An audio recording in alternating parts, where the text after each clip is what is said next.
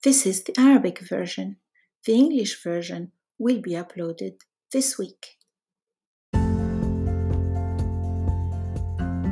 حضرت درسا موسيقيا على منصة كلاب هاوس الاجتماعية هذا الصباح.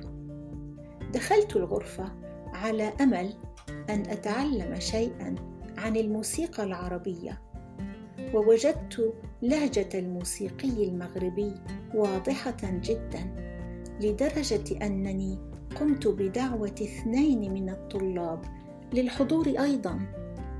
كانت الغرفة غنية بالمعلومات ومسلية كذلك. يمكن أن تضيء الأشياء الصغيرة حياتك. I will be uploading these stories to my YouTube channel, so come read with me. I'm also working on a bilingual book of short stories for language learners that will include these and other stories. Join me on Amazon. Links to my YouTube channel and my Amazon profile where you can follow me to find out about my upcoming books and existing books are in this podcast description.